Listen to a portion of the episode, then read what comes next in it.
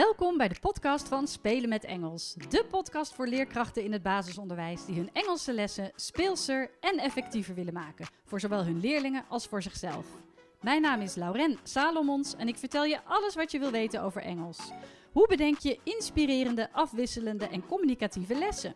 Hoe zorg je ervoor dat al je leerlingen betrokken zijn en blijven? Hoe wordt en blijft Engels een vast onderdeel van jullie onderwijsaanbod? Kortom, alles wat je wil weten over Engels op de basisschool. Ik wens je veel plezier met luisteren. Leuk dat je weer luistert naar een nieuwe podcastaflevering van Spelen met Engels. En deze keer wil ik het graag hebben over woordjes leren. Ik krijg regelmatig de vraag van leerkrachten, zowel tijdens studiedagen als per mail of social media. Hoe zit het nou met woordjes leren? Uh, geef je nou wel of niet woordjes mee naar huis? Uh, hoe, hoe zit het met vertalend leren? Hoe doe je dat? Hoe pak je dat nou aan? En elke keer denk ik, ja, daar moet ik een podcast over maken. Dan vergeet ik het steeds. Maar nu kreeg ik weer een mail van een juf. En zij vraagt in haar mail: ik vroeg me af waarom het niet zinvol is dat kinderen woordjes thuis leren. Want als je deze woordjes aan het begin van een thema mee naar huis geeft en de leerlingen leren ze, dan kunnen ze de woorden begrijpen als je ze als leerkracht tijdens je les zegt. En dan kunnen ze het zelf ook actief gebruiken. Nou, daar heb ik een mening over. En die mening is natuurlijk wel gebaseerd op enige didactiek, maar het is een mening. En die wil ik graag met je delen in deze podcast. En wat ik vooral belangrijk vind, is dat je uh, is nadenkt over hoe en waarom jullie de woordjes ge uh, geven op jullie school. Geef je woordjes mee naar huis vanaf groep 5. Um, ehm, of laat je kinderen leerlingen of laat je kinderen woordjes leren. Dan ben ik heel benieuwd ja, of, je, of je na deze podcast daar eens anders over denkt. Of dat je er überhaupt eens over na gaat denken waarom je dat doet en, en hoe je dat doet. En dat je dat dus misschien met je collega's kunt bespreken. En um, ik heb eigenlijk tien vragen bedacht, uh, ja, die je misschien een beetje aan het denken zet. Uh, het is dus nogmaals mijn mening. Doe ermee wat je wil. Kijk vooral wat past bij onze school, wat past bij ons team. Maar nogmaals, ik hoop dat, je het, uh, dat het je in ieder geval aan het denken zet. Goed, de vragen. Vraag 1. Vanaf welke leeftijd geven wij leerlingen woordjes mee om thuis te leren? En waarom doen we dat op deze leeftijd? Uh, ik hoop dat je het sowieso niet doet in groep 1 tot en met 4. Uh, maar er zijn echt scholen die het vanaf groep 5 wel doen. Bijvoorbeeld omdat dat in de methode staat. Of omdat nou ja, eigenlijk vooral omdat dat in de methode staat, is mijn gevoel. Of misschien omdat leerkrachten dat nu eenmaal gewend zijn van, van vroeger, van hun eigen middelbare schooltijd. Je krijgt als je een taal leert, krijg je woordjes mee naar huis om te leren. Nou, mijn vraag is dus, waarom doen jullie dat? Waarom doen jullie dat in groep 5, in groep 6, in groep 7 of in groep 8? Dus wat is het doel ervan? En wat is het uh, nut ervan? Wat, wat, ja, ga gewoon eens met elkaar om de tafel. Waarom doen we dat eigenlijk? Um, vraag 2. Wat is mijn doel als ik mijn leerlingen woordjes laat leren? Wat willen we als school? En dat is wel een hele belangrijke, want Um, allereerst is het belangrijk om te bedenken wat jullie doel is voor Engels bij jullie op school. Wat willen we dat onze leerlingen aan het eind van groep 8 kunnen met Engels? En dat doel is heel belangrijk. Als je doel bijvoorbeeld is, we willen dat ze vrij kunnen communiceren over onderwerpen die dicht bij hun belevingswereld liggen. Dus dat ze dat um, in alle veiligheid en zelf, met zelfvertrouwen doen. Het hoeft niet perfect, als ze het maar wel doen. Um, dan is het natuurlijk interessant om te bedenken waarom uh, leren wij onze leerlingen dan dat ze schriftelijke woordjes moeten leren. Als het einddoel eigenlijk is dat hun spreekvaardigheid op orde is. Uh, dus dat is een interessante. Waarom uh, geven wij die woordjes mee? En waarom moet de spelling perfect zijn, bijvoorbeeld in sommige gevallen, als het, einddoel daar, als het einddoel daar eigenlijk niks mee te maken heeft? Dus wat is mijn doel als ik leerlingen woordjes laat leren? En past dat wel bij het einddoel wat we hebben? Nou, vraag 3 is, hebben de leerlingen voldoende input gehad? Dus hebben ze de woordjes voldoende gehoord en eventueel gelezen en kunnen oefenen in de les? Die input is heel erg belangrijk en dan kom ik gelijk ook terug op de vraag die werd gesteld in de mail door de juf. Um, want als je geen input geeft vooraf, dan weten leerlingen ook niet hoe ze de woorden moeten uitspreken of wat de context van die woorden is. Ze weten misschien wel de letterlijke vertaling, maar dat betekent nog niet dat ze daadwerkelijk de betekenis van het woord weten in een communicatieve context. Dus als je voordat je ook maar aan een thema begint al de woorden mee naar huis geeft, ja, hoe spreken kinderen die woorden dan uit?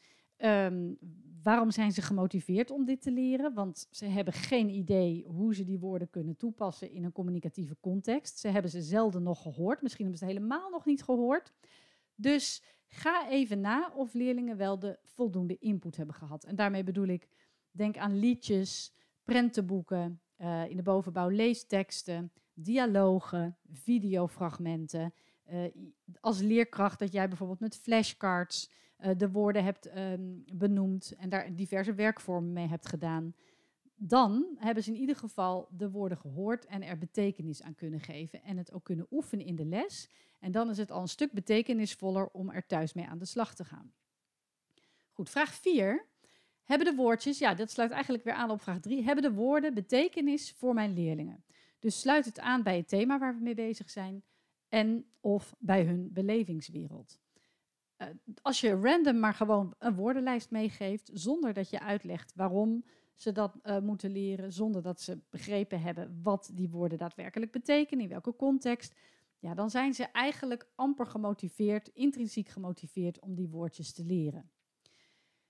De enige reden waarom ze wel gemotiveerd zouden kunnen zijn, is als je bedenkt dat ze uh, er een cijfer voor krijgen.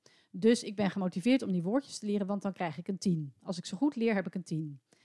Maar is dat je doel? En dan kom ik weer terug bij vraag 2. Wat is het doel van deze uh, woordjes leren? Als het doel is, ik wil dat kinderen op korte termijn uh, die woordjes in hun hoofd stampen en dat ze dan een 10 krijgen, ja, dan moet je het doen.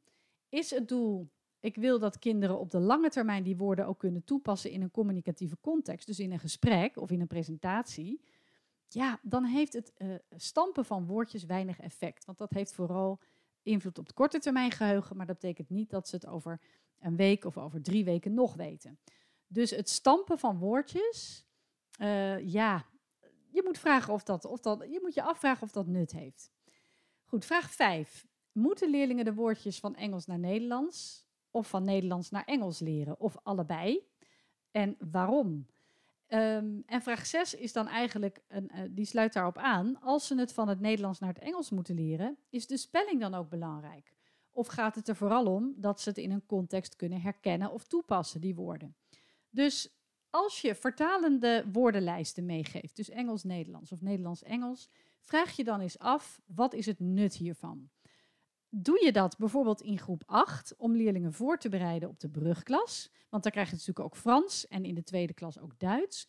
En je hebt als doel, je krijgt woordjes mee naar huis om de vaardigheid te leren van het woordjes leren.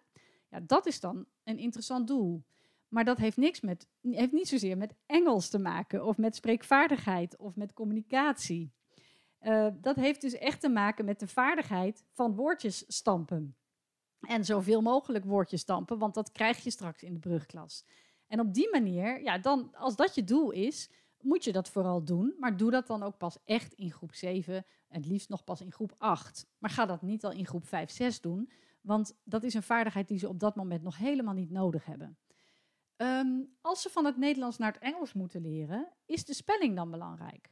Dus moeten zij dan op een toets vervolgens het woord ook juist kunnen spellen? En ook hier is weer de vraag: als dat een einddoel van jullie is, leerlingen moeten goed kunnen spellen en foutloos kunnen spellen, ja, dan snap ik dat je woordjes gaat meegeven vanaf groep 5, want dat is jullie einddoel.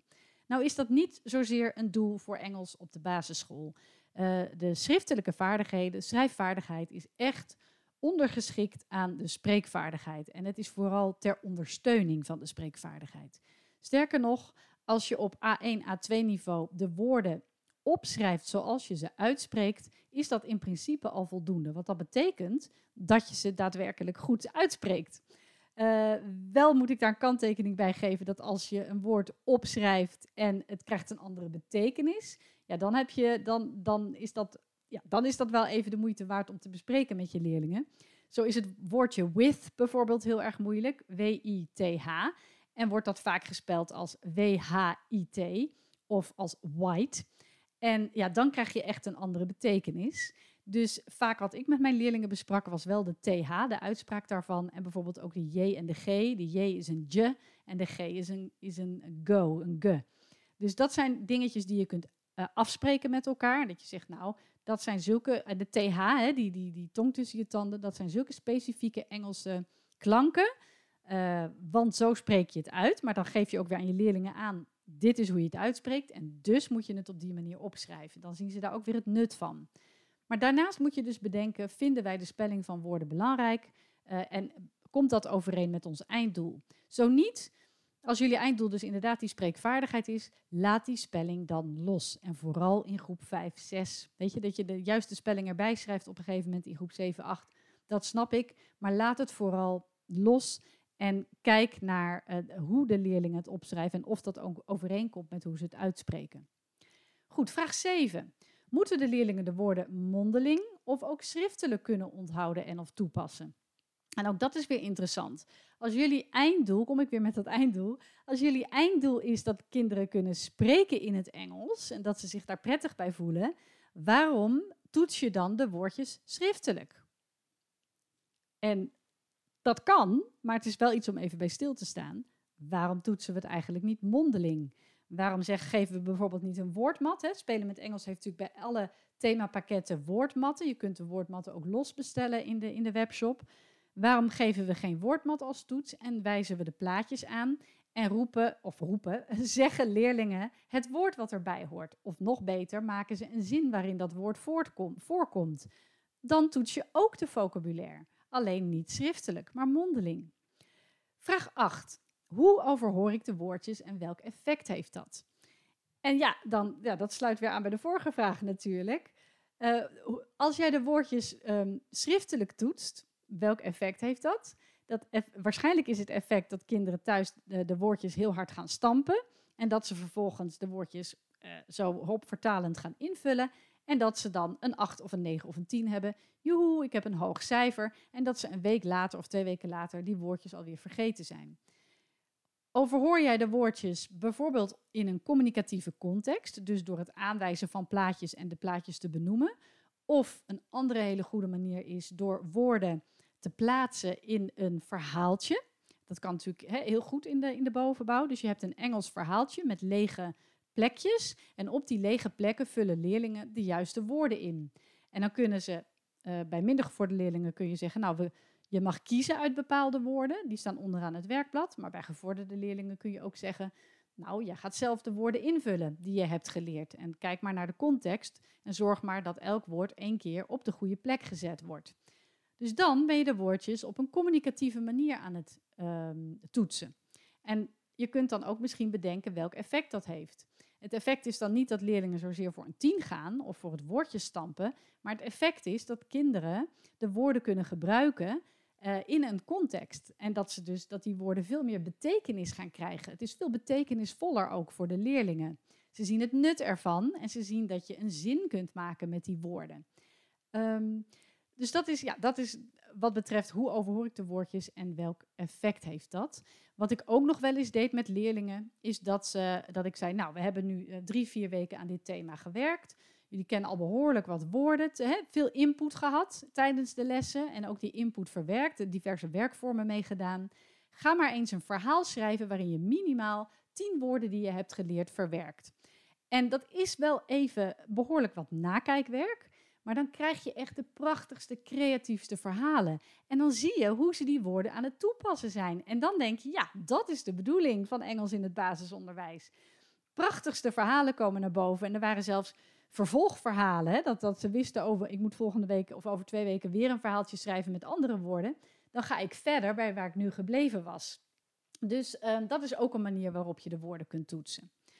Vraag 9. Hoeveel woordjes moeten ze eigenlijk leren per week en hoe lang zijn ze daarmee bezig? Dus geef jij inderdaad woordenlijsten mee naar huis. Bedenk dan eens, waarom geef ik er 10 of 20 of 30? Ik, ik hoop het niet, maar goed, waarom geef ik zoveel woordjes mee? Hoe lang zijn ze daarmee bezig? Bespreek dat ook eens met je leerlingen. En nogmaals weer, wat is het doel ervan? En vraag 10 is, zien de leerlingen eigenlijk wel het nut van woordjes leren? Wat vinden leerlingen er eigenlijk van? Nou, ik denk dat er altijd wel een paar leerlingen in de klas zijn die het leuk vinden. Die hè, leuk een paar, paar, woordjes stampen. Of misschien omdat ze het gewoon heel makkelijk vinden. Uh, die halen toch wel een tien. Maar bedenk nou eens, wat is nu echt het nut hiervan? En bespreek dat ook eens met je leerlingen. En um, probeer ook eens andere manieren van toetsen uit, zoals de manieren die ik net genoemd heb. Um, en bedenk eens hoe ze dat ervaren. Dus plaatjes aanwijzen en benoemen. Woorden invullen op een, een, in, een hoe heet dat? in een tekst met lege gaten. Zelf een verhaaltje schrijven waarin de woorden voorkomen. Wat ik ook regelmatig deed was een Kahoot-quiz. als, als de kinderen een telefoon of tablet of, of laptop hebben, ga, daar, ga daar eens mee kijken. Met Kahoot kun je natuurlijk ook hele leuke woordtoetsen maken. Um, nou ja, en natuurlijk spreekvaardigheid. Dus laat ze die woorden maar eens toepassen in een gesprekje of in een korte presentatie. Uh, of in een gesprekje met jou of met elkaar. Dus dat, dan heb je een hele andere manier van woordjes toetsen. Um, ik denk dat dat wel een beetje is wat ik, wat ik wilde vertellen hierover. Ehm, ik, ik, wil vooral dat je eens bedenkt van waarom doen we eigenlijk wat we doen. Ik weet dat er methodes zijn, gelukkig wel steeds minder, die achterin bijvoorbeeld gewoon een standaard woordenlijst hebben, Nederlands-Engels of Engels-Nederlands. En wat er dan gebeurt is eigenlijk als kinderen aan, in zo'n werkboek bezig zijn en ze weten een woordje niet, dan gaan ze geen strategieën inzetten om erachter te komen wat dat woord betekent. De enige strategie die ze moeten inzetten is letterlijk uh, hoe heet het? Eh, de, de, de, bladzijde over, uh, naar achteren slaan, het woord opzoeken, staat waarschijnlijk op alfabetische volgorde, en vervolgens het Engels de, vertaling erbij te schrijven. Of, weet je, dus het, ja, wat ik, wat ik daarmee wil zeggen is, als je niet zo'n vertalende woordenlijst hebt, dan gaan leerlingen bijvoorbeeld bedenken, ik moet even naar het plaatje kijken, of ik moet even de context erbij halen. Of ik ga eerst kijken of ik die andere woorden kan invullen. En misschien hou ik dan een woordje over. Dus ze worden veel meer tot actie uh, gezet. Ze worden veel meer, um, uh, ja, hoe zeg je dat? Gestimuleerd om hun strategieën te gaan inzetten. Wat je ook kunt afspreken met elkaar is als je een woord niet weet. Vraag het aan mij, aan de leerkracht of aan een klasgenoot. En we antwoorden elkaar in het Engels. Dus we gaan dat woord aan jou omschrijven. Um, maar we gaan dat niet klakkeloos in het Nederlands vertalen. Op die manier bied je leerlingen veel meer strategieën aan. En nogmaals zien ze ook veel meer het nut van uh, waarom heb ik nu eigenlijk vocabulaire nodig. Dus mijn tip is eigenlijk, um, bied woorden zoveel mogelijk aan met visuele middelen. Dus nou ja, iedereen die, mij, die al een studiedag van mij heeft gevolgd, of de online cursussen, of uh, een workshop, die weet inmiddels wel flashcards. Ik ben groot fan van flashcards, omdat je daarmee voorkomt dat je vertalend gaat leren.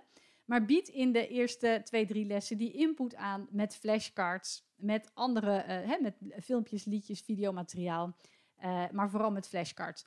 Want dan hoef je niet vertalend te leren. Dan hebben ze de woorden een aantal keer gehoord.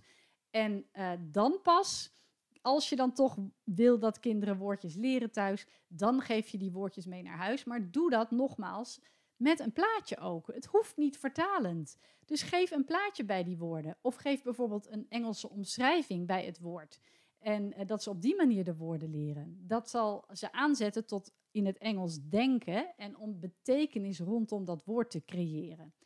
De, ja, voor mij is het enige moment dat je echt vertalend woordjes leert, in de bovenbouw in groep 7-8 als je ze wil voorbereiden op de brugklas. En dan gaat het dus om een andere vaardigheid. Dan gaat het niet zozeer om het leren van Engels, maar om het stampen van woorden, om een, leer, een, een techniek van leren. Goed, ik herhaal nog één keer de tien vragen als het gaat om woordjes leren. Vraag 1 is dus, vanaf welke leeftijd geven wij eigenlijk de leerlingen woordjes mee naar huis? En waarom doen we dat in deze groep of op deze leeftijd? Waarom eigenlijk? Uh, kunnen we dat loslaten als we, dat eigenlijk, als we eigenlijk geen idee hebben waarom we het doen? Of als we het alleen maar doen omdat de methode het zegt? Zouden we dat kunnen loslaten? En welk effect zou dat dan hebben als we dat niet meer doen? Vraag 2. Wat is mijn doel als ik leerlingen woordjes laat leren? Sluit dat doel aan bij het doel wat we hebben voor kinderen die de school gaan verlaten. Bij ons einddoel voor Engels op onze school. Wat willen we eigenlijk als school met dat woordjes leren? Gaat het bij ons om de spelling, om de schrijfvaardigheid, om de woordenschat of gaat het om de, um, de communicatie, het met plezier Engels leren, de spreekvaardigheid? En bedenk inderdaad, wil ik, de, wil ik dat kinderen de woorden in hun korte termijn geheugen uh, onthouden of wil ik eigenlijk dat ze het in het lange termijn geheugen opslaan? Vraag 3. Hebben leerlingen voldoende input gehad? Dus hebben we ze zomaar een woordenlijst meegegeven, terwijl ze geen flauw benul hebben van um, uh, hoe ze het moeten uitspreken bijvoorbeeld, of in welke context ze het kunnen gebruiken, of hebben ze de woorden al regelmatig gehoord, gelezen en ook mee kunnen oefenen en werkvormen mee kunnen doen in de les.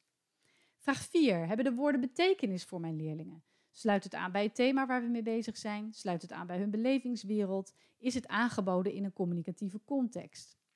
Vraag 5. Moeten de leerlingen de woordjes van Engels naar Nederlands leren of ook van Nederlands naar Engels? En waarom doen we dat eigenlijk? Voorkomen we dan niet dat ze, ehm, dat ze geen. Dat, hoe zeg je dat? Krijgen we, krijgen we dan niet dat ze gewoon maar vertalend leren en dat ze helemaal geen strategieën leren om uh, begrip te krijgen voor bepaalde woorden? Komt niet helemaal uit mijn woorden, maar ik hoop dat je begrijpt wat ik bedoel. Vraag 6. Als ze van het Nederlands naar het Engels moeten leren, is de spelling dan belangrijk? Of gaat het erom dat ze in een context woorden kunnen herkennen en toepassen? Als de spelling dan belangrijk is, waarom vinden we dat zo belangrijk? Wat is het doel daarachter? En sluit dat ook weer aan bij ons einddoel. Vraag 7. Moeten leerlingen de woorden alleen mondeling of ook schriftelijk kunnen toepassen? Als ze het uh, uh, schriftelijk moeten kunnen toepassen, terwijl ons einddoel is dat ze makkelijk in het Engels kunnen spreken, moeten we dan niet een manier verzinnen waarop we de woordjes mondeling toetsen? Vraag 8. Hoe overhoor ik de woordjes en welk effect heeft dat? En kijk dan ook eens vooral wel welk effect heeft dat op bijvoorbeeld gevorderde leerlingen of leerlingen die makkelijk leren. En welk effect heeft dat op kinderen die Engels spannend vinden, die er niet zo goed in zijn of die niet zo goed zijn in het stampen van woordjes. Kijk eens of je daar verschil in kunt maken en of je eens een andere manier van overhoren kunt bedenken, zodat je ook de minder gevorderde of onzekere leerlingen aanspreekt. Um, vraag 9. Hoeveel woordjes geven we ze eigenlijk per week? Als we al woordjes geven natuurlijk. Hoe lang zijn ze daarmee bezig? Um, en vraag 10. Zien leerlingen wel het nut van woordjes leren? Wat vinden onze leerlingen er eigenlijk van? Best belangrijk. Want ja, naar, naar mijn mening, maar dat weet je inmiddels wel, leer je vooral uh, um, een taal en andere vakken als je plezier erin hebt. Want als je plezier in iets hebt, is, gaat het leren natuurlijk veel makkelijker. Dus kijk eens of je andere manieren van toetsen kunt bedenken, zodat leerlingen er veel meer plezier in krijgen.